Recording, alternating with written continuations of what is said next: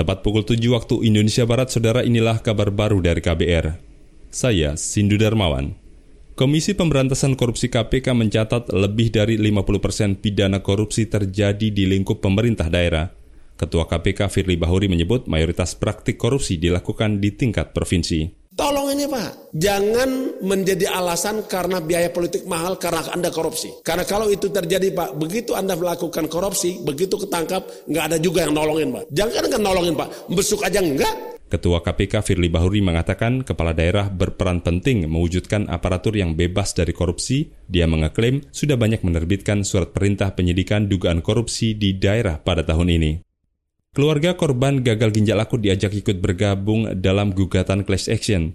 Ajakan itu disampaikan kuasa hukum keluarga korban Siti Habibah usai Pengadilan Negeri Jakarta Pusat mengabulkan gugatan mereka kemarin. Jadi karena ini sudah dinyatakan sah oleh majelis hakim sebagai gugatan class action, maka selanjutnya tata cara peradilannya akan mengikuti Perma nomor 1 tahun 2002 tentang acara perwakilan kelompok di mana agenda selanjutnya itu adalah notifikasi di mana kami sebagai para penggugat di sini diberikan waktu selama satu minggu oleh majelis hakim untuk membuat e, narasi terkait dengan fakta dan peristiwa yang dialami oleh para penggugat ini. Kuasa hukum keluarga korban ginjal akut Siti Habibah menambahkan bakal menyusun draft berisi fakta peristiwa. Jika draft tersebut disetujui majelis hakim, dia akan membuka ruang bagi keluarga korban dengan kasus sama untuk ikut bergabung. Hingga bulan lalu, korban tewas akibat gagal ginjal akut mencapai 320-an orang.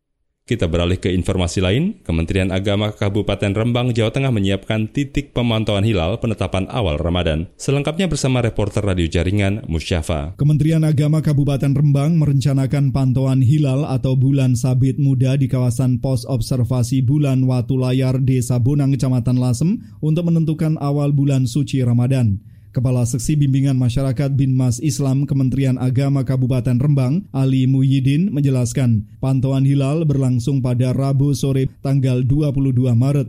Jika perhitungan hisap, hilal diperkirakan sudah mencapai ketinggian 7 derajat sehingga perkiraan awal hilal akan bisa terlihat dan Kamis esoknya mulai puasa. Setelah itu nanti kita sampaikan hasilnya ke PHR pusat sebagai bahan sidang isbat malamnya di malam Kamis dalam rangka penentuan awal 1 Ramadan 1444 Hijriah. Dipilihnya Watu Layar karena lokasi tersebut memiliki ketinggian strategis untuk memantau hilal dan tidak ada halangan. Hanya saja kendalanya, posisi pantau dari Rembang bersebelahan dengan Gunung Muria di ufuk barat. Musyafa R2 Birembang melaporkan untuk KBR. Demikian kabar baru KBR, salam.